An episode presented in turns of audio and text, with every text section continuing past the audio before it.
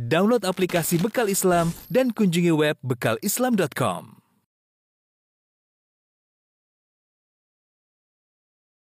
Bismillahirrahmanirrahim. Assalamualaikum warahmatullahi wabarakatuh.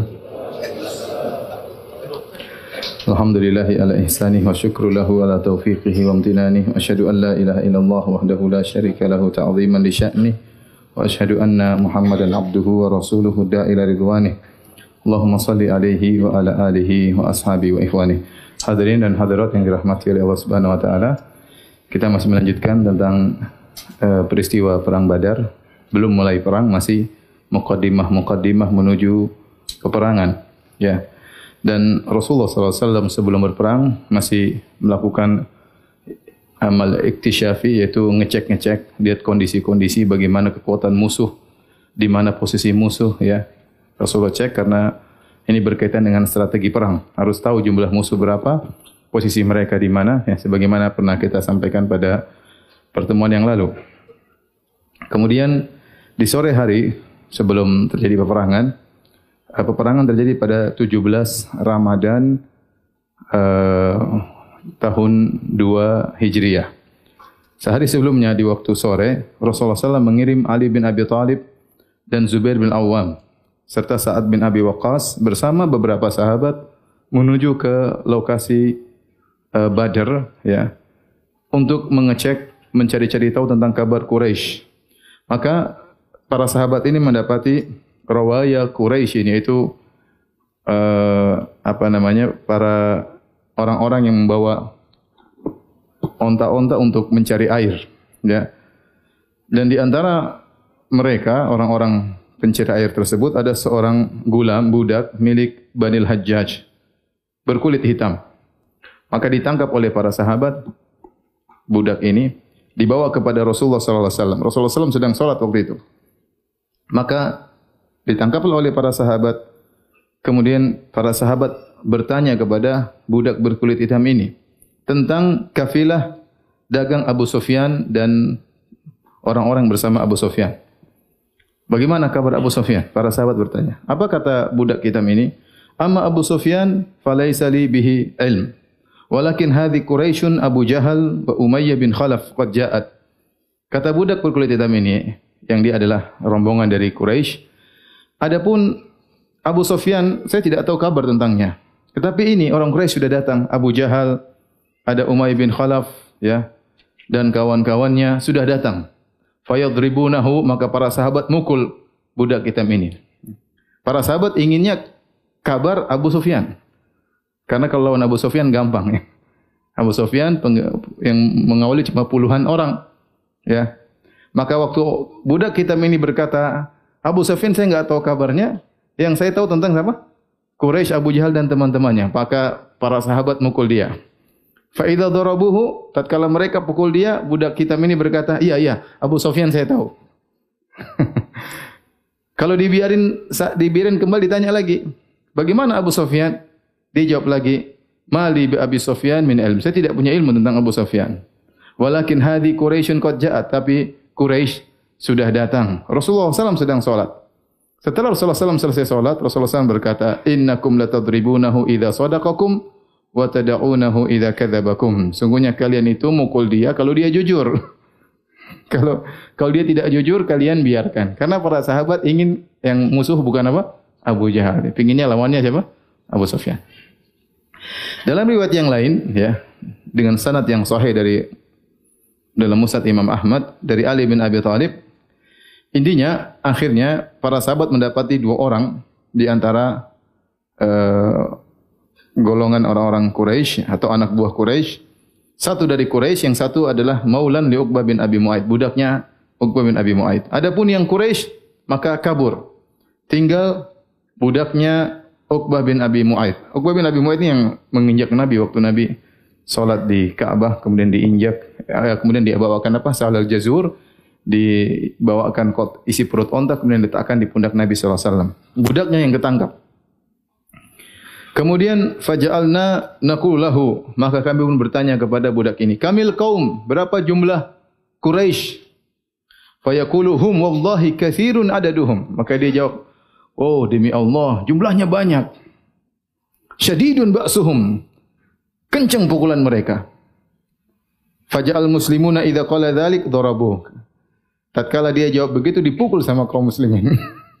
kaum muslimin enggak suka jawaban seperti itu. Ya, bilang Quraisy jumlahnya banyak, kemudian mereka kuat, dipukul sama kaum muslimin, sama sahabat. Hantat hatan tahu bihi ila Nabi sallallahu alaihi wasallam. Maka kemudian dibawalah orang ini kepada Nabi sallallahu alaihi wasallam. Nabi bertanya, "Kamil kaum berapa jumlah mereka?" Orang ini enggak mau jawab, dia hanya jawab secara global. Hum wallahi kathirun adaduhum syadidun ba'suhum. Mereka demi Allah jumlahnya banyak dan mereka sangat kuat-kuat. Fajahidan Nabi wasallam an yukhbirahu kamhum fa aba. Maka Nabi paksa lagi, berapa jumlah mereka? Dia enggak mau jawab. Berapa jumlah mereka? Dia enggak mau jawab. Nabi tidak tahu ilmu gaib. Kalau Nabi tahu ilmu gaib, Nabi akan tahu jumlah mereka tidak perlu tanya kepada orang orang ini. Akhirnya tatkala dia tidak mau jawab-jawab, Nabi tanya pertanyaan yang lain. Kam yanharuna minal juzur? Berapa onta yang mereka sembelih tiap hari? Kata dia, ashran kula yaum. Setiap hari sepuluh ekor onta. Maka Rasulullah SAW berkata, Al-qawmu alfun kullu jazurin limi'atin wa tabi'iha. Berarti jumlah mereka seribu orang. Karena satu onta mewakili seratus orang. Kalau setiap hari disembelih sepuluh ekor onta, berarti jumlah mereka apa? Seribu orang. Dan tepat jumlah mereka memang sekitar berapa? Seribu orang. Kemudian Rasulullah SAW bertanya lagi ya kepada uh, Gulam Banil Hajjaj yang tadi yang budak pertama, kemudian Maula Uqbah bin Abi Muaid, budak yang kedua Nabi tanya, "Faman fihi min asyrafu Quraisy?" Siapa pembesar-pembesar Quraisy yang ikut datang bersama orang-orang Quraisy? Maka mereka berdua menjawab, yang ikut dalam pasukannya Quraisy, Utbah bin Abi Rabi'ah, Utbah bin Rabi'ah. Pembesar orang Quraisy, bahkan dia orang paling senior di antara Quraisy. Syaibah bin Rabi'ah, Kemudian Abul Bakhtari bin Hisham. Hakim bin Hizam. Tokoh-tokoh Quraisy semuanya. Naufal bin Khuwailid. Al-Harith bin Amir bin Naufal. Tu'aimah bin Adi. Yang nanti dibunuh oleh Hamzah. Wa Nadhr bin Harith. Ya. Zam'ah ibn al-Aswad. Abu Jahal bin Hisham. Umayyah bin Khalaf. Nubayh wa Munabbih ibn al-Hajjaj. Suhail bin Amr. Amr bin Wud. Ini semua tokoh-tokoh apa? Quraisy. Fa'akbala Rasulullah SAW ala ashabihi. Maka Rasulullah SAW pun balik memandang kepada para sahabat. Nabi berkata, Hadihi makkatu qad alqat ilaikum aflada akbadiha. Wahai para sahabatku, ini kota Mekah telah melemparkan intisari orang-orang Quraisy kepada kalian. Artinya yang kalian lewat ini bukan orang sembarangan. Semua tokoh-tokohnya. Artinya semangatlah berperang. Kalau mau balas, inilah saatnya. Karena yang datang adalah tokoh-tokoh apa? Quraisy. Bukan kerocok-keroconya. Pembesar-pembesarnya semua datang. Ini sehari sebelum peperangan. Kemudian Nabi SAW ya, singgah di tempat yang agak jauh dari sumber air. Maka para sahabat tatkala itu mengalami haus yang sangat amat parah dan mereka mengalami ke kelemahan karena kurang minum. Maka pada malam tersebut Allah Subhanahu wa taala turunkan bagi mereka hujan. Wa kana mataran khafifan, tetapi hujannya tidak terlalu keras, hujan yang ringan maka mereka bisa ya bersuci dengan hujan tersebut ya. Wa syaribal muslimun tatahharu mereka minum mereka bisa bersuci. Wa adhab anhum rijaz syaitan dan Allah menghilangkan bisikan-bisikan syaitan. Karena ketika mereka mau berperang sebagaimana disebutkan oleh para disebutkan oleh para ahli tafsir syaitan datang kepada mereka kalian mau perang? Di mana kalian perang? Musuh jumlahnya banyak. Kalian sekarang kehausan. Kalian dalam kondisi lemah. Gimana mau menang? Syaitan bisikan kepada mereka Kemudian kalian di antara kalian ada yang junub. Gimana perang dalam kondisi junub, tidak ada air untuk mandi junub. Maka Allah turunkan hujan untuk menghilangkan semua bisikan-bisikan syaitan tersebut. Dan lembah yang ditempati oleh Nabi sallallahu alaihi wasallam itu tanahnya agak gembur, susah dipijak. Tatkala turun hujan yang ringan, ya maka tanah tersebut menjadi lengket, mudah untuk apa? dipijak. Makanya Allah Subhanahu wa taala Eh, menjelaskan bahwasanya hujan yang turun kepada para sahabat yang ringan adalah nikmat bagi para sahabat. Sementara di waktu yang sama hujan turun kepada orang-orang Quraisy dengan deras yang menjadi mereka disusahkan dengan hujan yang keras tersebut. Dan ini mudah bagi Allah Subhanahu wa taala. Dalam waktu yang sama Allah turunkan hujan daerah padahal daerahnya dekat. Daerah sini hujannya ringan, yang sini hujannya apa? deras. Allah Maha mengatur hujan. Nanti sama seperti dalam perang Khandaq pun demikian. Allah datangkan angin, angin yang menimpa kaum muslimin sepoi-sepoi, angin yang menimpa kaum musyrikin benar-benar kencang sampai kemah-kemah mereka jatuh, sampai tungku-tungku mereka mati bahkan terguling semuanya. Padahal jarak yang dekat enggak ada jarak satu kilo ya. Tetapi Allah mengatur angin di sana kencang, angin di sini apa?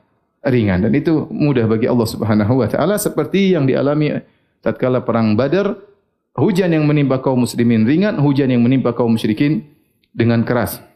Kata Allah Subhanahu wa taala idh yughashshikumun nu'asa amanatan minhu wa yunazzilu 'alaikum minas sama'i ma'an liyutahhirakum bih.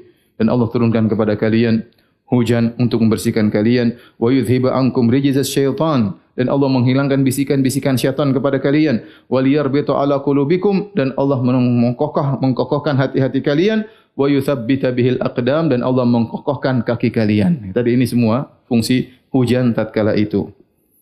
Taib hadirin dan hadirat yang dirahmati Allah Subhanahu wa taala. Ya. Uh, kemudian orang-orang musyrikin ya. Orang-orang musyrikin kemudian juga menuju ke Badar. Kemudian kaum muslimin juga menuju ke Badar. Semuanya berporos kepada Badar. Dan kaum muslimin bergerak lebih dahulu ya karena posisi mereka dekat Badar lebih dekat dari Madinah ke Badar cuma 130-an kilo, adapun Mekah ke Badar jauh ratusan kilo, mungkin 200-300 kilo. Maka mereka mendahului kaum musyrikin.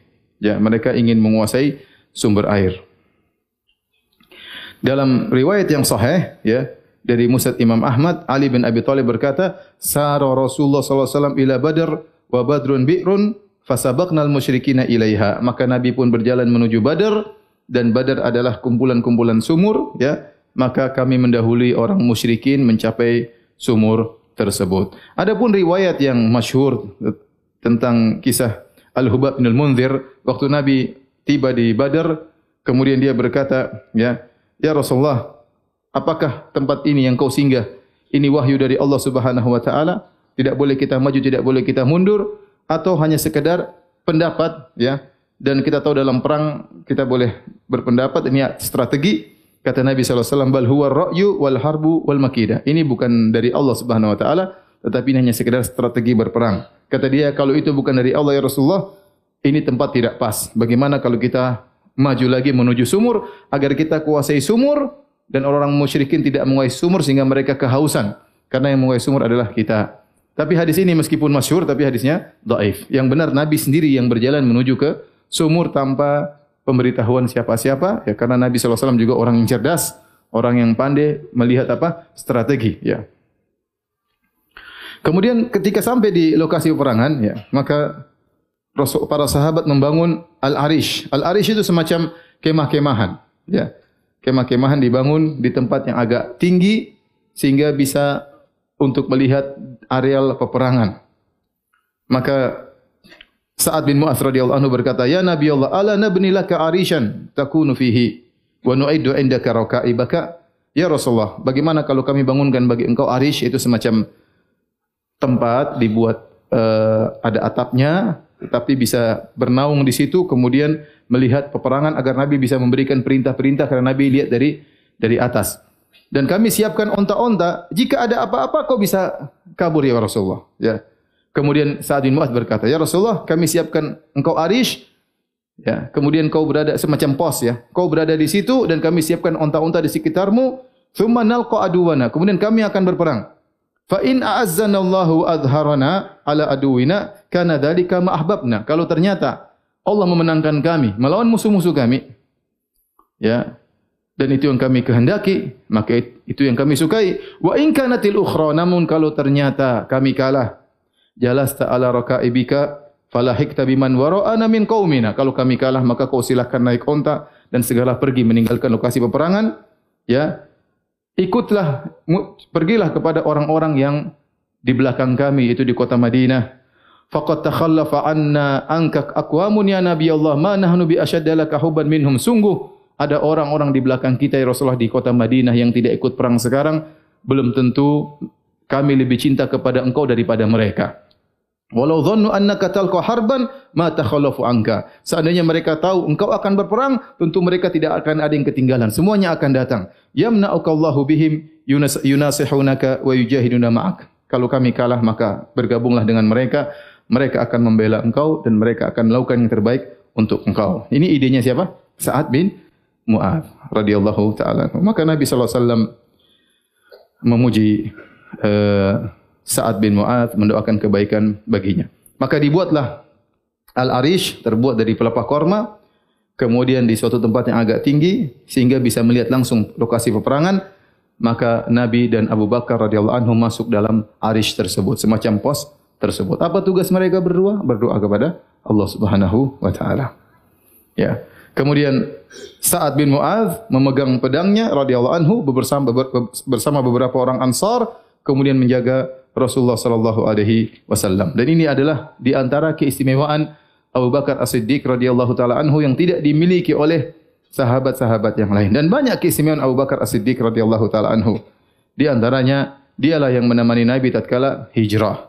Di antaranya persiapan untuk hijrah semua dari keluarga Abu Bakar radhiyallahu taala anhu yang siapkan makanan keluarga Abu Bakar, yang menutup jejak uh, Nabi tatkala berhijrah adalah budaknya Abu Bakar yang memberi informasi kepada Nabi dalam gua adalah putranya Abu Bakar ya yang menemani Nabi dalam perjalanan maut sampai ke Madinah juga Abu Bakar radhiyallahu anhu yang menemani Nabi dalam gua juga siapa? Abu Bakar radhiyallahu anhu. Kalau Nabi sakit yang jadi imam siapa? Abu Bakar radhiyallahu taala anhu. Dan ini hanya dimiliki oleh Abu Bakar radhiyallahu anhu. Di antaranya ketika perang Badar yang menemani Nabi untuk berdoa cuma siapa Abu Bakar dan Nabi tidak pilih orang sembarang ini perang genting, mengerikan 300 lawan 1000, kemungkinan kalah besar. Saya para sahabat saja tidak pede. Pada saat mengatakan, Rasul ini siap unta-unta, ada apa engkau kabur. Bergabunglah dengan orang-orang yang mungkin lebih cinta kepada engkau daripada kami. Hanya saja mereka tidak ikut karena mereka tidak tahu kau akan berperang. Ya, Jadi mereka tidak kasih kemungkinan pasti menang, tidak. Tapi mereka mungkin kami menang, mungkin apa? Kami kalah. Dan lihat perkataan para sahabat. Bagaimana tauhid? Kalau Allah memenangkan kami, subhanallah. Mereka mengatakan kalau Allah memenangkan kami, tidak tidak mengatakan kalau kami menang, tidak. Tapi kalau Allah memenangkan kami, ya itu yang kami harapkan. Kalau kami kalah, maka silakan engkau lari ya menuju para sahabat yang lain. Dan ini adalah uh, apa namanya fikrah atau ide yang dibuat oleh Sa'ad bin Mu'ad. Ini ide yang penting. Namanya panglima dia harus mengawasi. Ya tidak selalu dia harus di depan. Terkadang dia mengawasi, terkadang dia masuk dalam peperangan.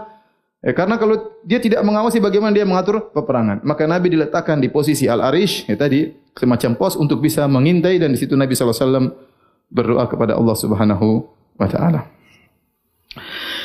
Al-Bazzar meriwayatkan dalam musnadnya dengan sanad yang sahih dari Ali bin Abi Thalib. Maka Ali bin Abi Thalib pernah bertanya, "Ya ayuhan nas, man ash'aju man asja'un nas?" Wahai kaum muslimin sekalian, siapakah orang paling pemberani? Faqalu anta ya Amirul Mukminin. Ini di zaman Ali menjadi Amirul Mukminin, yaitu Abu Bakar sudah meninggal, Umar sudah meninggal, Utsman sudah meninggal. Ali bertanya, siapa orang paling pemberani? Maka orang-orang menjawab, engkau ya Amirul Mukminin, engkau Ali bin Abi Thalib. Maka Ali berkata, "Amma ini ma barazani ahadun illa tasaftu minhu." Adapun aku, tidaklah aku berduel dengan siapapun kecuali aku akan balas. Walakin huwa Abu Bakar. Tapi orang pemberani adalah siapa? Abu Bakar radhiyallahu anhu. Inna ja'alna li Rasulillah sallallahu alaihi wasallam arishan. Kami bangunkan arish pos bagi Nabi sallallahu alaihi wasallam. Fakulna man yakunu ma Rasulullah wasallam li alla yahwi ilaihi ahadun minal musyrikin. Siapakah yang bisa menemani Nabi yang menjamin keselamatan Nabi? Ya, menemani Nabi kalau Nabi ada apa-apa. Siapa yang jagoan di situ? Wallahi ma dana minna ahadun ila Abu Bakar. Setiap kami tidak ada yang berani. Siapa yang berani menemani Nabi berdua menjamin keselamatan Nabi? Tidak seorang pun dari kami berani menjamin saya akan jaga Nabi sallallahu alaihi wasallam kecuali siapa? Abu Bakar radhiyallahu taala anhu. Sa syahiran bi sayf maka Abu Bakar ya menghunuskan pedangnya ya di hadapan Rasulullah sallallahu alaihi wasallam. Dan itulah orang yang pemberani kata Ali bin Abi Thalib radhiyallahu taala anhu. Taib. Kemudian Rasulullah sallallahu alaihi wasallam ya mengatur di malam hari Rasulullah sallallahu bikin strategi. Nanti posisi di sini, nanti posisi di sini ya diatur di malam hari sebelum besok peperangan. Dan itu di malam Jumat, ya. Tanggal berapa? 16. Perangnya tanggal berapa? 17 ya. Kemudian setelah itu setelah Nabi atur semua posisi peperangan nanti perang mulai di sini kamu di sini semua di sini maka Rasulullah SAW di malam hari berjalan menuju lokasi peperangan. Artinya orang Quraisy dekat. Nabi berjalan masuk menuju lokasi peperangan. Kemudian Nabi berkata, Hada masra'u fulan godan. Besok si fulan tewasnya di sini. Wahada masra'u fulanin godan. Besok si fulan tewasnya di sini. Insya Allah. Kata Nabi apa? Insya Allah. Ya. Dan Nabi SAW tunjuk di sini, di sini, di sini. Anas bin Malik berkata, Wallahi ma amata rajulun minhum an mawdu'i kaffai Rasulullah sallallahu alaihi wasallam. Demi Allah tidak seorang pun yang meleset dari tanah yang ditunjuk oleh siapa? Nabi sallallahu alaihi wasallam. Maka dalam riwayat dari Abu Ayyub Al-Ansari radhiyallahu taala beliau berkata safafna yauma badrin fanadarat minna nadiratun amama saf. Maka kami berbaris tatkala perang Badar maka ada seorang terlalu maju dalam barisan tersebut. Fanadhar Rasulullah SAW ilaihi, maka Rasulullah SAW melihat kepada sekelompok orang tersebut yang agak maju. Kata Nabi SAW, ma'i, ma'i, ikuti aku, ikuti aku. Begini, jangan jangan terlalu maju. Jadi Nabi atur, mau perang begini, begini, ikuti aku. ya. Kemudian kejadian berikutnya di malam hari tersebut ya Allah Subhanahu wa taala memberikan rasa kantuk kepada para sahabat luar biasa. Ya. Id yughashikumun nu'asa amanatan minhu. Kata Allah tatkala kami turunkan rasa ngantuk kepada kalian, kalian diliputi rasa ngantuk sebagai rasa aman dari Allah untuk kalian. Maka tatkala itu, ya, benar-benar para sahabat ngantuk dan mereka tidur. Jadi ini penting agar besok bisa apa? Berperang. Orang-orang Quraisy gelisah, enggak bisa tidur. Enggak bisa apa? Tidur. Kalau enggak tidur besok lemas mau berperang. Para sahabat yang harusnya gelisah siapa? Para sahabat. 300 lawan 1000. Harusnya yang gelisah para sahabat. Tapi Allah bikin mereka mereka ngantuk. Ya. Kata Ali bin Abi Thalib radhiyallahu anhu, "Maka nafina farisun yaum Badar ghairul miqdad." Sungguhnya dalam perang Badar tidak ada seorang pasukan berkuda dari kami kecuali satu saja pasukan berkuda, orang berkuda itu Al-Miqdad. Enggak ada kuda kecuali cuma satu. Adapun orang pasukan Quraisy banyak yang berkuda. Walaqad ra'aituna wa ma fina illa na'im. Sungguh kami melihat ya semua kami tidur di malam hari tersebut. Besok mau perang malamnya semua tidur ulas ya. Demikian juga Anas bin Malik radhiyallahu taala anhu bercerita bahwasanya Abu Talha Al-Ansari radhiyallahu anhu berkata saya selalu ingatkan Anas bin Malik punya ibu namanya Ummu Sulaim. Ya Malik mati dalam kondisi jahiliyah. Bapaknya siapa? Anas bin Malik. Kemudian bapaknya meninggal ibunya Ummu Sulaim menikah dengan Abu Talha Al Ansari oleh karenanya Abu Talha Al Ansari bapak tirinya siapa? Anas bin Malik. Ibunya siapa namanya? Ummu Sulaim ya. Ghasyana nu'asu wa nahnu fi masafina yawma badar. Qala Abu Talha kuntu fi man ghasyahu nu'asu yawma idin faja'ala sayfi yasqutu min yadi wa akhudhu yasqutu wa akhudhuhu. Ya. Eh, demikian juga jadi mereka mengalami rasa kantuk dua kali. Pertama tatkala di malam hari mereka tidur pulas. Yang kedua tatkala akan berperang. Tatkala akan berperang melihat musuh yang begitu banyak, Allah bikin mereka ngantuk lagi. Kata Abu Talha, di antara orang-orang yang ngantuk tatkala perang Badar saya. Saya pegang pedang, pedangku jatuh. Kemudian saya pegang lagi ngantuk, jatuh lagi. Subhanallah. Maksudnya apa? Maksudnya Allah bikin mereka tenang sehingga tidak takut dengan jumlah yang apa? Yang banyak. Sebagian orang kalau ingin tenang minum bir atau tidak minum bir supaya berani. Enggak, ini Allah kasih mereka ngantuk sedikit supaya semangat ya. Dan itu istirahat mungkin hanya beberapa menit tapi membuat mereka tegar tatkala itu. Di malam hari sebelum perang ya. Maka semua orang tidur. Yang tidak tidur cuma Rasulullah sallallahu alaihi wasallam. Kata Ali bin Abi Thalib, "Maka nafina farisun yauma Badr ghairul miqdad." Tidak ada yang naik kuda dalam berperang di antara pasukan kami kecuali Al-Miqdad bin Al-Aswad. Wala qad ra'aituna wa ma fina illa na'im. Sungguh kami aku telah melihat pasukan seluruhnya tidur illa Rasulullah sallallahu alaihi wasallam yang tidak tidur cuma Rasulullah sallam. Tahta syajaratin yusalli wa yabqi hatta asbah. Nabi wasallam di bawah pohon beliau salat dan beliau menangis sampai pagi pagi hari. Ini dalil Ali juga tidak tidur atau Ali tidur separuh-separuh. Mungkin dia tidur Rasulullah salat, dia bangun Rasulullah sama siapa? Salat. Dan beliau melihat Rasulullah sallam berdoa sambil menangis sampai pagi hari. Sahabat semua apa? Tidur. Yang penting bagian tugas doanya ada. Siapa? Rasulullah sallallahu alaihi wasallam. Inna Rasulullah SAW lama asbah bi badr minal ghad ahyatil kal lailata kullaha. Sampai Ali bin Abi Thalib mengatakan dengan sanad yang hasan, sungguh malam hari tersebut Rasulullah SAW tidak tidur sama sekali. Beliau solat sampai subuh. Solat. Karena kondisi genting. Ya. Rasulullah SAW di bawah pohon beliau berdoa, kemudian beliau menangis dan beliau banyak dalam sujudnya berdoa ya hayu ya qayyum ya hayu ya qayyum ya hayu ya qayyum. Ya itu di antara bertawasul dengan nama-nama Allah Subhanahu wa taala. Ketika tiba di waktu subuh salat subuh di hari Jumat tanggal 17 Ramadan dan itulah tibanya saatnya perang Badar yaumul furqan yaumul taqal jam'an. Allah menamakan hari perang Badar dengan hari pembeda telah berkumpul dua kelompok, kelompok kebenaran dan kelompok kesyirikan. Maka Rasulullah SAW berteriak, As-salata ibadallah, ayo salat, wahai salat.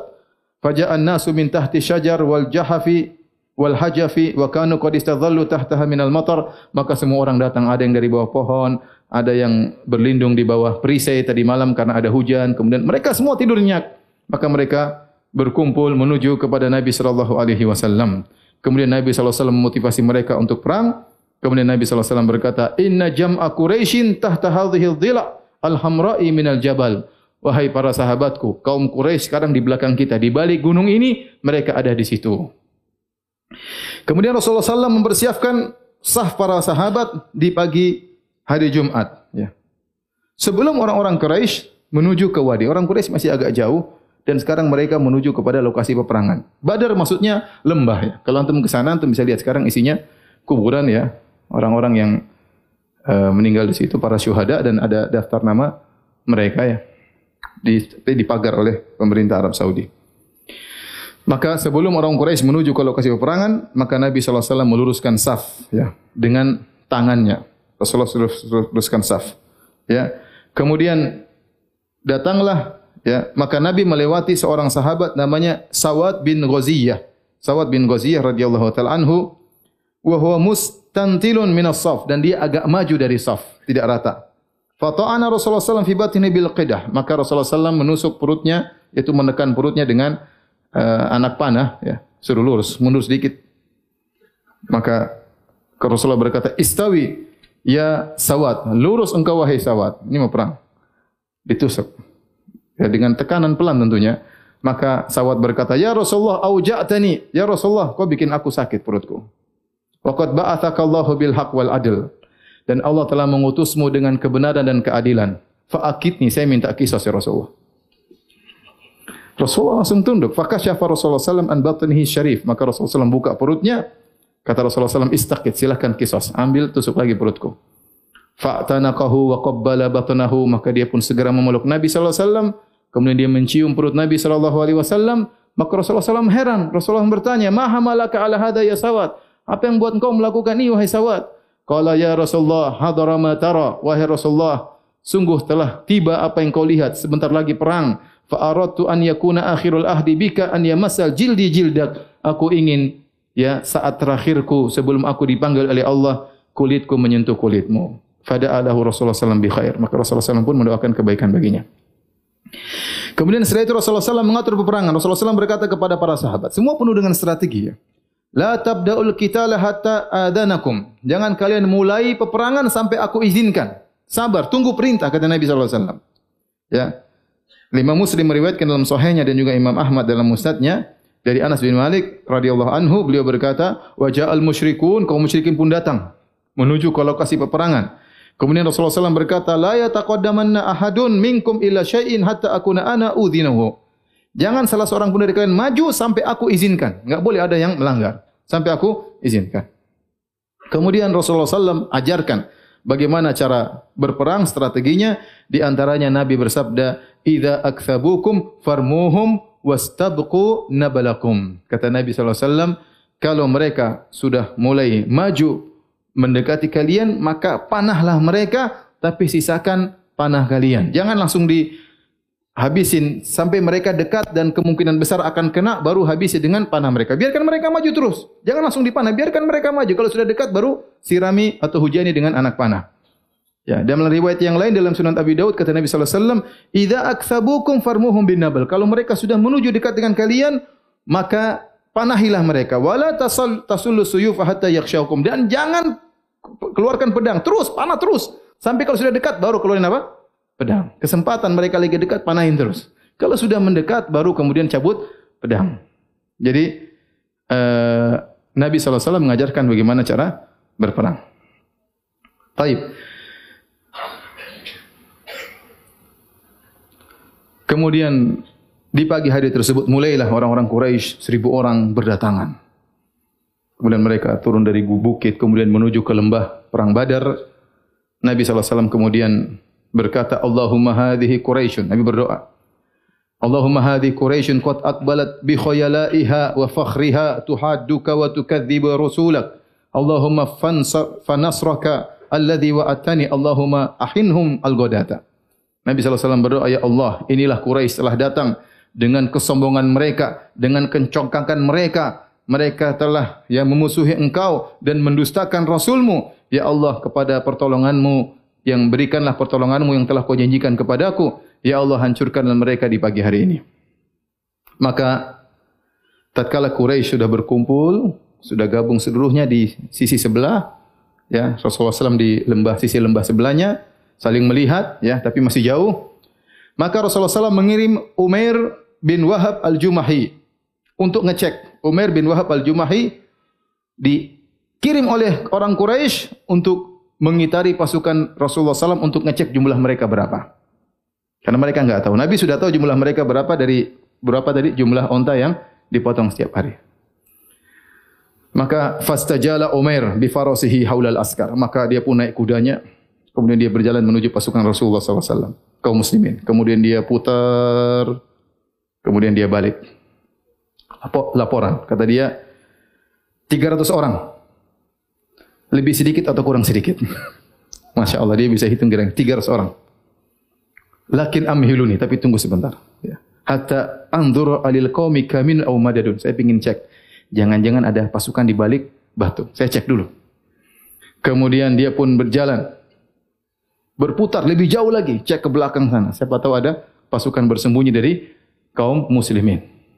Kemudian dia balik, dia mengatakan ma wajatu syai'an, tidak ada pasukan yang bersembunyi. Jumlah mereka total berapa? 300. Tetapi kaumku, wahai orang-orang Quraisy, walakinni qad ra'aitu ya ma'syara Quraisy, tapi wahai orang Quraisy seluruhnya, wahai kaumku, sungguh aku melihat al-balaya tahmilul manaya. Sungguh mereka itu seperti onta-onta yang telah membawa kematian. Nawadhihu yathrib tahmilu summan nafi' summan naqi. Sungguh ya, mereka itu onta-onta dari kota Madinah yang membawa racun yang mematikan. Ama tarawnahum khursan la yatakallamun. Tidakkah kalian melihat mereka? Mereka semua membisu, tidak ada yang bicara. Para sahabat enggak ada yang gaduh-gaduh, semua diam. Siap perang. Waktu dicek, diam aja semuanya. Lihatlah mereka tidak ada yang ngomong seorang pun, semuanya membisu. Ya talam maduna talam mudal afai. Mereka mencium mangsa seperti ular yang siap menekan memakan apa mangsanya. Wah, mengerikan. Dia memberi gambaran yang mengerikan. Ini musuh kita 300 orang, tapi semuanya nekat mati. Semuanya ingin membunuh. Semuanya seperti ular yang sudah mencium-cium mangsanya siap untuk apa? Diterkam. Wallahi ma ara an yuqtala rajulun minhum hatta yuqtala rajulan min hatta yaqtula rajulan minkum. Menurutku tidak seorang pun dari mereka tewas, satu orang pun kecuali satu orang kita juga tewas. Enggak mungkin satu tewas satu enggak. Kalau ada satu tewas di antara mereka berarti satu juga di antara kita yang tewas. Fa idza asabu minkum a'dadahum fama khairul aishi ba'da dzalik. Farau ra'yakum. Menurutku kalau ternyata kita semua tewas sejumlah mereka maka tidak ada kehidupan yang baik setelah ini. Maka bagaimana pendapat kalian? Falamma sami Hakim bin Hizam dzalika masya fin nas. Hakim bin Hizam ponakannya Khadijah radhiyallahu anha. Dia dialah yang membelikan bagi Khadijah siapa? Zaid bin Harithah radhiyallahu anhu yang kemudian diangkat jadikan anak angkat oleh Nabi sallallahu alaihi wasallam. Maka Hakim bin Hizam mendengar perkataan Umar bin Wahab, maka dia gelisah. Maka dia pun datang kepada Utbah bin Rabi'ah. Siapa Utbah bin Rabi'ah? Orang paling senior di orang-orang Quraisy. Maka dia berkata, "Ya Abul Walid, wahai Abu Walid innaka kabiru quraisyin wa sayyiduha engkau adalah pembesar kaum Quraisy, engkau adalah pemimpin kaum Quraisy. Al-muta'u fiha, kaulah yang ditaati di suku Quraisy. Halaka ila khairin tuzkaru bihi ila akhirid dahar. Maukah engkau melakukan suatu kebaikan yang kau akan dikenang sampai sepanjang masa? Aw qal halaka an tadhhaba bi syarafi hadzal yawm ma baqita? Atau maukah engkau membawa kemuliaan hari ini kau bawa selama seumur hidupmu? Maka dia heran. Wa madzaka ya hakim? Ada apa wahai hakim? Apa kebaikan yang bisa saya lakukan sehingga saya dikenang sampai ya seumur hidupku sepanjang zaman? Qala tarji'u bin nas wa tahmilu amru halifi ka Amr bin Hadrami. Suruh orang Quraisy semua pulang. Tidak usah perang sama kaum muslimin. Tidak usah. Adapun ya Amr bin Hadrami yang terbunuh oleh kaum muslimin, kau yang tanggung diatnya. Tidak usah nuntut kepada kaum muslimin. Bilang aja kau yang tanggung. Au qala innakum la tatlubuna min Muhammadin ila dama Ibnu Hadrami. Bukan kalian datang ke sini untuk menuntut darahnya Ibnu Hadrami? wa huwa halifuka dan Ibnu Hadrami yang telah dibunuh oleh kaum muslimin adalah sekutumu. Fatahammal diyatahu wa tarji'a bin nas. Maka kau tanggunglah diyatnya dan bawa pulang orang-orang ke kota Mekah. Kata dia, qad fa'altu, saya akan lakukan. Anta alayya bidzalik, ya. Inna ma huwa halifi, kau benar. Sungguhnya dia adalah sekutuku. Fa alayya aqluhu, aku yang akan menanggung diyatnya. Wa ma usiba min malihi dan harta yang dirampas oleh kaum muslimin saya akan ganti seluruhnya. Kemudian Utbah bin Rabi'ah berkata kepada Hakim bin Hizam, "Fa'ti ibnal Handhaliyah. Pergilah engkau kepada Abu Jahal. Fa inni la akhsha an yasjura amran nasi ghairuhu. Saya khawatir dia nanti bikin masalah. Cuma dia yang tidak setuju. Semua kaum Utbah bin Rabi'ah khatiban, maka dia pun dia orang paling senior tatkala itu. Maka dia berdiri berkhutbah di hadapan kaumnya. Dia berkata, "Ya kaum, wahai kaumku, Inni ara qauman mustamitina la tasiluna ilaihim wa fikum khairun. Sungguhnya aku telah melihat kaum muslimin, mereka orang-orang yang datang mau cari mati. Bukan mau cari hidup, mau cari apa? Cari mati. Dan tidaklah ya kalian sampai kepada mereka sementara kalian membawa kebaikan. Ya kaum, ya. artinya pasti perang habis-habisan. Perang sama mereka percuma, mereka mau cari mati. Pikirkan lagi, kalau kita sampai kepada mereka perang pasti tidak ada kebaikan bagi kita. Pasti banyak yang mati di antara kita. Ya qaumi ansubu hal yaum bi ra'si wa qulu jabuna Utbah bin Rabi'ah. Wahai kaumku, kita pulang semuanya. Lemparkan semua kata-kata pengecut kepada diriku. Bilang Utbah bin Rabi'ah yang pengecut. Tidak apa-apa, bilang saya pengecut, yang penting kita pulang. Waqad alimtum anni lastu bi ajmanikum. Dan kalian tahu saya bukan orang pengecut di antara kalian. Tapi tidak apa-apa, bilang saya pengecut. Yang penting kita pulang. Maka Rasulullah sallallahu alaihi wasallam waktu melihat dari kejauhan Rasulullah SAW tidak tahu ini siapa karena agak jauh, jauh. Maka Rasulullah SAW berkata, "In yakun fil qaumi ahadun ya'muru bi khair fa asa an yakuna sahibul jamalil ahmar." Kalau ada orang di antara Quraisy yang baik, ada satu orang yang naik onta merah. Ternyata siapa maksudnya? Utbah bin Rabi. Ada Nabi tidak tahu siapa orang tersebut dari jauh. Imam Ahmad meriwayatkan dari Ali bin Abi Thalib tatkala orang-orang musyrikin sudah mendekat dan mereka mengatur saf mereka ya maka ada seorang di antara mereka naik di atas ya onta merah. Ya, kemudian dia berjalan di kaum Quraisy kemudian dia berkata kemudian Rasulullah SAW berkata ya Ali nadili Hamzah. Wahai Ali panggilkan Hamzah kepadaku. Wa kana aqrabu minal musyrikin. Ali Hamzah rupanya posisinya dekat dengan kaum musyrikin. Ya jadi kaum musyrikin misalnya di sini kaum muslimin di sini maka Hamzah dekat mereka sehingga Hamzah melihat pembicaraan mereka Maka kata Nabi, Ali panggil Hamzah ke sini. Kemudian Hamzah datang, Nabi bertanya, siapa yang naik onta merah tersebut? Wa madza yaqulu lahum? Apa yang dia katakan kepada mereka? Ingat, Nabi tidak tahu ilmu gaib ya. Nabi tidak tahu siapa yang naik onta merah tersebut, apa yang diomongin juga Nabi tidak tidak tahu. Ya, kemudian Nabi berkata, kalau ada orang baik di antara mereka, inilah orangnya. Maka Hamzah kemudian datang melapor. Sungguhnya orang tersebutlah Utbah bin Rabi'ah dan dia melarang orang-orang untuk berperang. Ternyata waktu Utbah memprovokasi orang-orang untuk pulang, yang dia bilang biar katakan saya pengecut, ya. Yang penting kita pulang, maka didengar oleh Abu Jahal. Wah, Abu Jahal bikin masalah. Abu Jahal datang ke Utbah bin Rabi'ah. Abu Jahal provokator ulung. Dia berkata, Anta takulu hadha? Eh, Utbah, ente ngomong ini. Wallahi lau ghairuka yakulu hadha, la agdattuhu. Seandainya kalau ya kalau apa namanya Selain engkau yang melakukannya, tentu aku sudah menggigit menggigit apa yang perlu digigit. Artinya ini kau ya.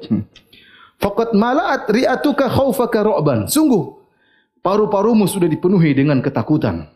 Dalam riwayat yang lain Abu Jahal berkata, "Intafakha wallahi sahruhu hina ra'a Muhammadan wa ashabahu." Sungguh Utbah bin Rabi'ah telah mengembang paru-parunya karena ketakutan tatkala dia melihat Muhammad dan sahabat-sahabatnya. Kalla wallahi la narju hatta yahkum Allahu bainana wa baina Muhammad. Subhanallah. Apa kata Abu Jahal?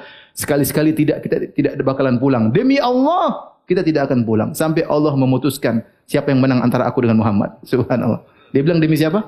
Demi Allah. Makanya Abu Jahal yang Nabi berdoa, Abu Jahal juga berdoa. Insya Allah akan kita lewati. Nabi berdoa, Ya Allah, penangkan kami. Abu Jahal juga berdoa. Kata Abu Jahal, Ya Allahumma ayyuna aqta alir rahim wa ja'ana bima la na'rif fa ahinhul ghadat. Ya Allah siapa di antara aku dan Muhammad yang paling memutuskan silaturahmi dan datang dengan perkara baru yang kami tidak tahu maka binasakanlah pagi ini. Jadi Nabi Abu Jahal juga apa? Berdoa ya. Allah turunkan firman-Nya in tastaftihu faqad ja'akumul fath. Tatkala kalian minta keputusan dari Allah maka Allah datangkan keputusan. Jadi Nabi berdoa, Abu Jahal juga berdoa. Tatkala ini Abu Jahal berkata, demi Allah kita tidak akan mundur sampai Allah putuskan siapa yang menang antara aku dengan Muhammad. Maka Utbah tersinggung. Dia berkata, iya ya tu'ayir, ya musaffari, musaffara istihi. Kau maksud kau ngejek saya, wahai orang yang menguningkan duburnya. Maksudnya ada ente bencong kerja di rumah, cuma nguningin dubur. Kata siapa? Utbah sudah ngejek di antara mereka. Sata'lamuna al-yawma ayyunal jaban. Kau akan tahu siapa di antara kita yang pengecut, aku atau engkau. Jadi kata kata Abu Jahal dia mengatakan uh, lakinnahu qad ra'a anna Muhammadan asbahu akalatu jazurin wa fihim ibnuhu qad takhawafakum alaihi. Kenapa Utbah ketakutan? Abu Jahal pintar, dia pintar provokasi. Karena dia lihat Muhammad dan teman-temannya cuma sedikit. Mau dibunuh gampang, cuma sekedar ukuran makan onta selesai mereka. Dan ternyata di antaranya ada anaknya yang masuk Islam yang sama Muhammad. Makanya dia ketakutan anaknya kita bunuh. Pintar enggak Abu Jahal? Pintar. Kalau enggak pintar enggak disebut Abu Bahlul. Abu Jahal ini pintar. Kemudian Abu Jahal tidak putus asa. Kemudian dia bikin provokasi lagi. Maka dia mengutus kepada Amir Al-Hadrami. Yaitu saudaranya Ibnul Hadrami yang dibunuh oleh kaum muslimin. Maka dia provokasi lagi. Saudaranya Amr bin Hadrami namanya Amir bin Hadrami ya. Maka dia berkata hadza halifuka ay utbah yuridu an yarji'a bin nas wa qad ra'aita tha'raka bi ainika fakum fanshud hufrataka. Kata dia wahai Amir ini sekutumu Utbah bin Rabi'ah ingin orang-orang pulang. Sementara kau tinggal balas dendam. Untuk balas dendam sudah ada di depan matamu ya. Kau bisa balas kematian saudaramu ya. Amr bin Hadram bin Hadrami tuntutlah balas atas kematian saudaramu. Maka tatkala itu Amir bin Hadrami kemudian terprovokasi maka dia berkata, "Wa amrah." Amrah maksudnya wahai saudaraku yang sudah mati, wahai saudaraku yang sudah mati, fahamiyal qaum maka orang-orang semakin semangat untuk berperang. Ya.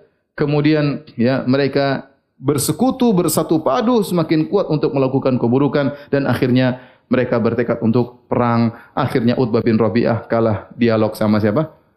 Abu Jahal. Mulailah terjadi peperangan. Peperangan dimulai dengan apa? Keluarlah biasa peperang biasanya duel dulu kebiasaan mereka. Yang pertama kali keluar dari kaum musyrikin namanya Al-Aswad bin Abdul Asad Al-Makhzumi. Namanya Al-Aswad bin Abdul Asad Al-Makhzumi dari Bani Makhzum dari kabilahnya Abu Jahal. Wa kana rajulan syarisan, orangnya buas. Sadis, sayyi al-khuluq, akhlaknya sangat buruk. Maka dia berkata di hadapan kaum muslimin, di hadapan orang-orang Quraisy. Dia berkata, Uahidullah la ashrabanna min haudihim. Aku berjanji kepada Allah, demi Allah, aku akan datang menuju mereka dan aku akan minum dari penampungan air mereka. Ini berarti jagoan dong. Jalan sendiri menuju ke markas kaum muslimin, kemudian minum air dari situ. Kaum muslimin kan bikin haud. Ngambil air di sumur, kemudian bikin penampungan air untuk minum. Karena perang nanti kehausan. Dia bilang, demi Allah saya akan datang ke situ dan saya akan minum dari tempat penampungan air mereka. Wuh, beraninya luar biasa. Aula ahdimannahu aw la amutanna dunahu atau saya akan menghancurkan penampungan air mereka atau aku akan mati sebelum sampai di sana. Falamma kharaja maka dia pun keluar menuju ke tempat air kaum muslimin. Kharaja ilai Hamzah bin Abdul Muttalib. Maka Hamzah hadang. Eh mau ke mana? Akhirnya bertemulah. Falamma altaqaya tatkala mereka berduel, darabahu Hamzah fa atanna qadamahu bi nisfi saqihi wa huwa dunal haud fa waqa ala dhahrihi tashkhubu rijluhu daman. Hamzah potong kakinya dengan sekuat tenaga. Cang sampai setengah betis. Dipotong kakinya, cing, lepas terbang ke atas. Subhanallah, berapa kuatnya itu ya. Bukan kecantolnya gitu, lepas. Lepas, kemudian terbang ke atas, jatuh ke bawah, belakang dia, kemudian keluar darah yang luar biasa. Maksud saya, Masya Allah, para sahabat itu kuat-kuat ya. Saya bayangkan gimana potong perang kaki lepas. Kalau kita mungkin nanti kita lihat perang badar luar biasa ada sahabat yang tangannya sudah putus dia masih perang terus nanti. Itu bayangkan bagaimana sahabat seperti Ja'far bin Abi Thalib dalam perang dalam perang apa uh, Mu'tah ditemukan di 80 luka di tubuhnya sebelum dia meninggal dunia dan seluruhnya di depan tidak ada luka di belakang. Bayangkan itu bisa bayangkan 80 berarti kena pedang belum mati, kena pedang belum mati, kena tombak belum mati. 80 semuanya di depan. Mungkin kalau kita sekali kena langsung tewas selesai. Maksudnya mereka kuat-kuat gitu saya bayangkan. Masya Allah 80 bekas tombak, tikaman semuanya di depan badannya. Berarti dia tidak mundur meskipun hanya sedetik tidak pernah mundur. Semua luka di bagian depan. Intinya Hamzah kemudian menghantamkan pedangnya sampai betisnya lepas. Kemudian jatuh di belakangnya, ya. Kemudian keluarlah darahnya dari kakinya dan dia belum sampai kepada tempat penampungan air kaum muslimin. Namun dia ingin menunaikan janjinya. Maka dia apa namanya merangkak. Sudah enggak bisa jalan. Pokoknya dia ingin minum dari apa? Dia ingin menunaikan janjinya.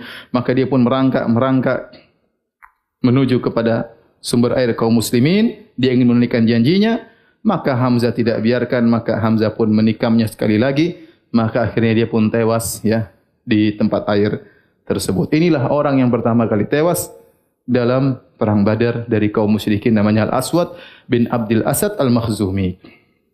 Sudah hafal belum? Enggak usah dihafal. Ya. Setelah itu keluarlah tiga orang.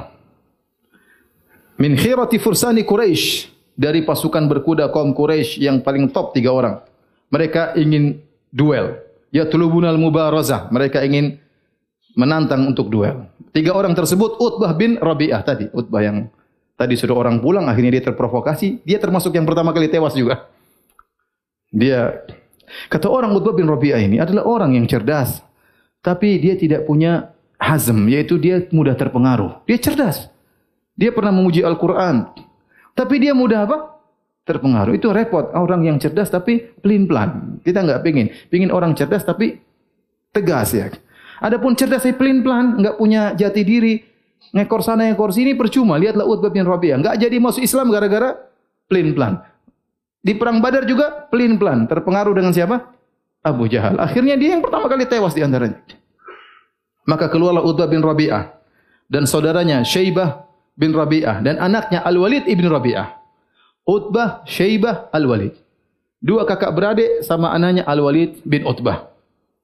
Falamman fasalu minas safi talabul mubarazah. Mereka bertiga keluar dari pasukan kaum Quraisy kemudian mereka menantang untuk duel maka berdirilah tiga kaum Ansar siapa tiga kaum Ansar tersebut anak-anak muda namanya Auf bin Harith dan Muaz ibn al Harith dan ibu mereka berdua namanya Afra dan Abdullah bin Rawaha tiga orang pertama Auf bin Harith kemudian Muaz bin Harith dan ibu mereka namanya Afra kemudian Abdullah bin Rawaha tiga orang dari kaum Ansar kemudian mereka menuju kepada orang-orang Quraisy tersebut.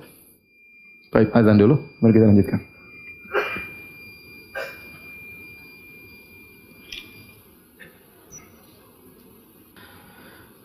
Saya ulangi tiga pemuda Ansar tersebut, Auf bin Harith, kemudian Muaz bin Al Harith. Yang kedua orang ini bapaknya namanya Al Harith dan ibunya namanya Afra. Afra kata Al-Hafidh Ibnu Hajar dalam kitabnya Al-Isabah tentang para sahabat, Afra adalah wanita spesial. Dia memiliki keistimewaan tidak dimiliki oleh wanita-wanita lainnya. Dia menikah dengan Al-Harith ya. Setelah itu menikah dengan Al-Bukair bin Yalail Al-Laythi. Maka lahirlah dari pernikahannya empat orang di antaranya Iyas, Akil dan Khalid dan Amir ya. Kemudian semuanya ya ikut dalam perang Badar.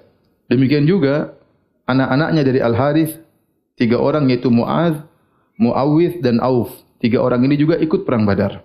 Jadi anaknya tujuh orang semuanya ikut apa? Perang Badar. Dari suami yang pertama tiga orang anak, dari suami yang kedua anaknya berapa? Empat orang. Tujuh tujuhnya ikut perang Badar. Ya. Tidak ada wanita seperti dia, Afra. Tapi tiga orang, ya, yaitu Auf bin Harith, kemudian Muaz bin Harith dan Abdullah bin Rawaha. Kemudian orang-orang Quraisy bertanya, "Man antum? Siapa kalian?" Qalu rahtun minal ansar. Kami sekelompok orang dari kaum Ansar.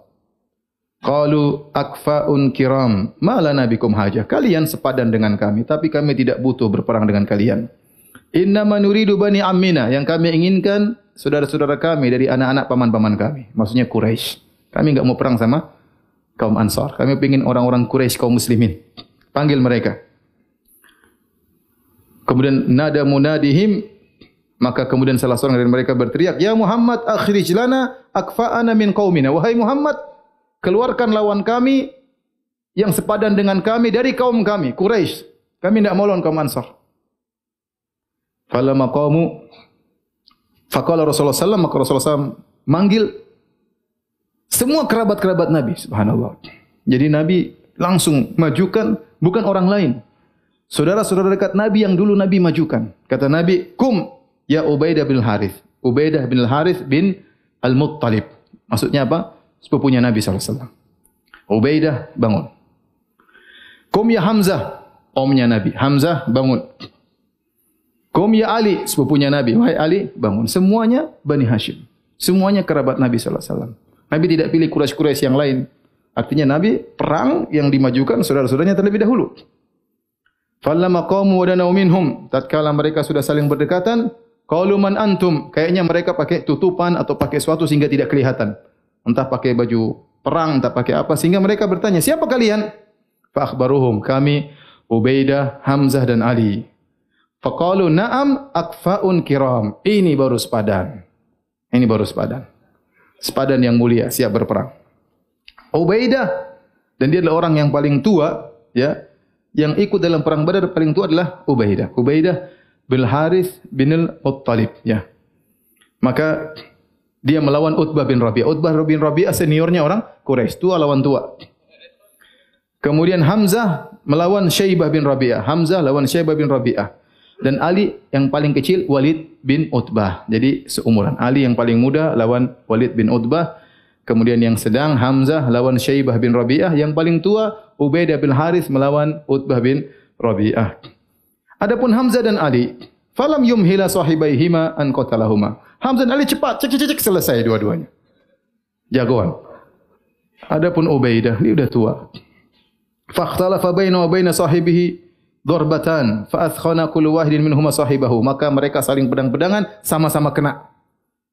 Hamzah meng, uh, Ubaidah mengenai Utbah dan Ubah juga mengenai mengenai siapa? Ubaidah. Summa karra Hamzah wa Ali ala Utbah faqatal. Akhirnya Hamzah dan Ali datang habisin siapa? Utbah. Fahtamala Ubaidah. Kemudian mereka berdua membopong Ubaidah. Kemudian mereka datang membawanya kepada Nabi sallallahu alaihi wasallam waqad kuti atrijuluhu dan kakinya sudah putus kena pedangnya Utbah. Wa huwa yanzifu daman sementara darahnya terus mengalir. Fawadha Rasulullah SAW khadda Ubaidah ala qadamihi syarifah. Maka Nabi meletakkan pipi Ubaidah di kaki Nabi sallallahu alaihi wasallam. Maka Ubaidah berkata kepada Rasulullah sallallahu alaihi wasallam, "Ya Rasulullah, wahai Rasulullah, law kana Abu Talibun Talibin hayyan, seandainya pamanmu Abu Talib masih hidup, la alima anni ahqqu biqauli, maka dia akan tahu saya lebih berhak daripada perkataan dia sendiri, yaitu Ali Abu Talib pamannya Nabi pernah berkata, "Wa nuslimuhu hatta nudra nusra'a dunahu wa nudhala an abna abnaina wal halaili. Jadi Abu Talib pernah bersyair dia mengatakan kami tidak akan menyerahkan ponakan kami Muhammad. Sungguh mereka berdusta kalau kami akan menyerahkan ponakan kami Muhammad. Kami tidak akan serahkan ponakan kami Muhammad sampai kami mati dan kami meninggalkan kami melupakan anak-anak istri kami demi membela ponakan kami. Kata Ubaid bin Haris, saya lebih utama mengatakan demikian. Saya meninggalkan anak-anak istri saya untuk membela engkau wahai Rasulullah. Summa mata radhiyallahu taala anhu maka beliau pun meninggal radhiyallahu taala anhu. Maka enam orang ini Allah turunkan firman-Nya, "Hadzani khasmani ikhtasamu fi rabbihim." Inilah dua kelompok yang mereka berperang ya tentang Rabb mereka. Falladzina kafaru qutti'at lahum thiyabun. Adapun orang-orang kafir, kelompok yang kafir maka disiapkan bagi mereka thiyabun min nar, disiapkan bagi mereka pakaian dari api neraka, yusabbu min fawqa ra'sihimul hamim dan kemudian disiramkan air panas di atas kepala mereka. Sampai di sini dahulu. Uh, apa yang bisa saya sampaikan, insyaAllah kita lanjutkan dua pekan lagi tentang Perang Badar masih belum selesai. Ini banyak pertanyaan.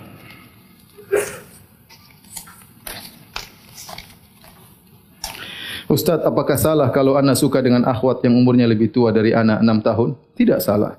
Yang lebih 70 tahun juga tidak apa-apa. Kalau suka enggak ada salahnya. Kenapa orang tuanya seperti tidak setuju kalau anak nikahi? Ya mungkin orang tuanya ragu anda masih kecil. Bagaimana nikah dengan perempuan sudah dewasa atau berpikir macam-macam. Kok anak muda suka dengan akhwat yang lebih tua enam enam tahun? Ya antum jelaskan kepada calon mertua antum bahwasanya saya benar-benar suka. Saya bukan mencari harta. Saya benar-benar sayang sama dia. Silakan. Ya. Baru begitu saja sudah mundur. Maju dulu. Maju dulu. Berikan keyakinan kepada calon mertua kalau perlu bawa mobil bertamu jangan naik gojek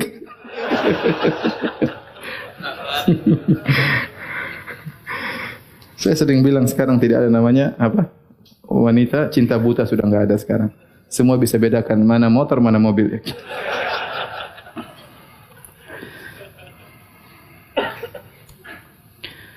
Ustaz, bagaimana kita mempraktekkan sunnah Nabi salat malam yang rakaat pertamanya membaca surat Al-Baqarah, An-Nisa, Ali Imran. Sedangkan jika kita baca Quran secara normal kira-kira butuh 4-5 jam. Ya, Nabi mungkin bacanya dia menghafal tidak tersendat-sendat seperti kita. Kemudian dia baca, Nabi bisa jadi solat 7 jam, apa salahnya? Ya. Mungkin Nabi begitu habis solat isya tidak lama kemudian langsung apa? Solat malam. Ya, bisa jadi 5 jam, bisa jadi 6 jam. Ya, tidak jadi masalah. Mungkin kita bagi kita masalah ya. Tapi bagi mereka tidak ada masalah. Diriwayatkan Utsman bin Affan solat satu rakaat 30 juz.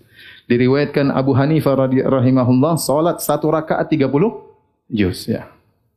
Mungkin dia baca dengan apa? Dengan cepat ya. Ya kalau kita mungkin lama karena tersendat-sendat. Kemudian ngantuk, eh tadi halaman mana lupa. ya mereka Masya Allah, mereka tenggelam dalam solat mereka, nikmati tahu-tahu 30 juz selesai.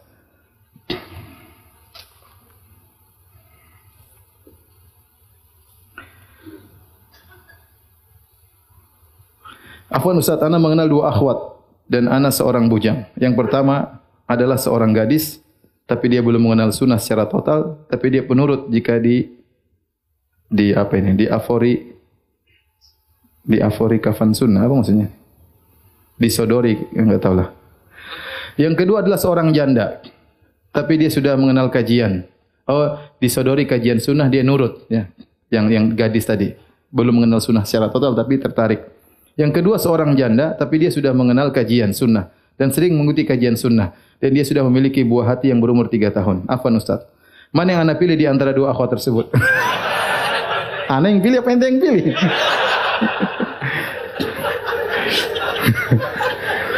Manakah yang anda pilih di antara dua akhwat tersebut untuk menjadi zaujah ana, istri ana?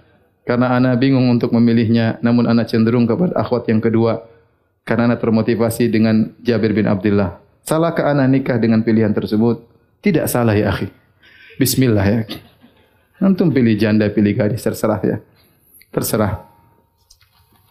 Saya cuma bisa kasih wasiat antum solat istikharah. Berdoa kepada Allah subhanahu wa ta'ala. Minta petunjuk kepada Allah. Antum tidak tahu kebahagiaan antum di akhwat yang mana ya. Setelah antum istikharah, Bismillah. InsyaAllah la nadamah ba'da istikharah. Maka tidak ada penyesalan kalau sudah istikharah. Kalau memang hati antum condong kepada yang kedua dan Allah tetap mengkokohkan kepada yang kedua ya bismillah insyaallah nolong janda ada anak antum rawat insya Allah pahalanya besar ya. Terserah ya. Atau antum ambil dua-duanya juga boleh.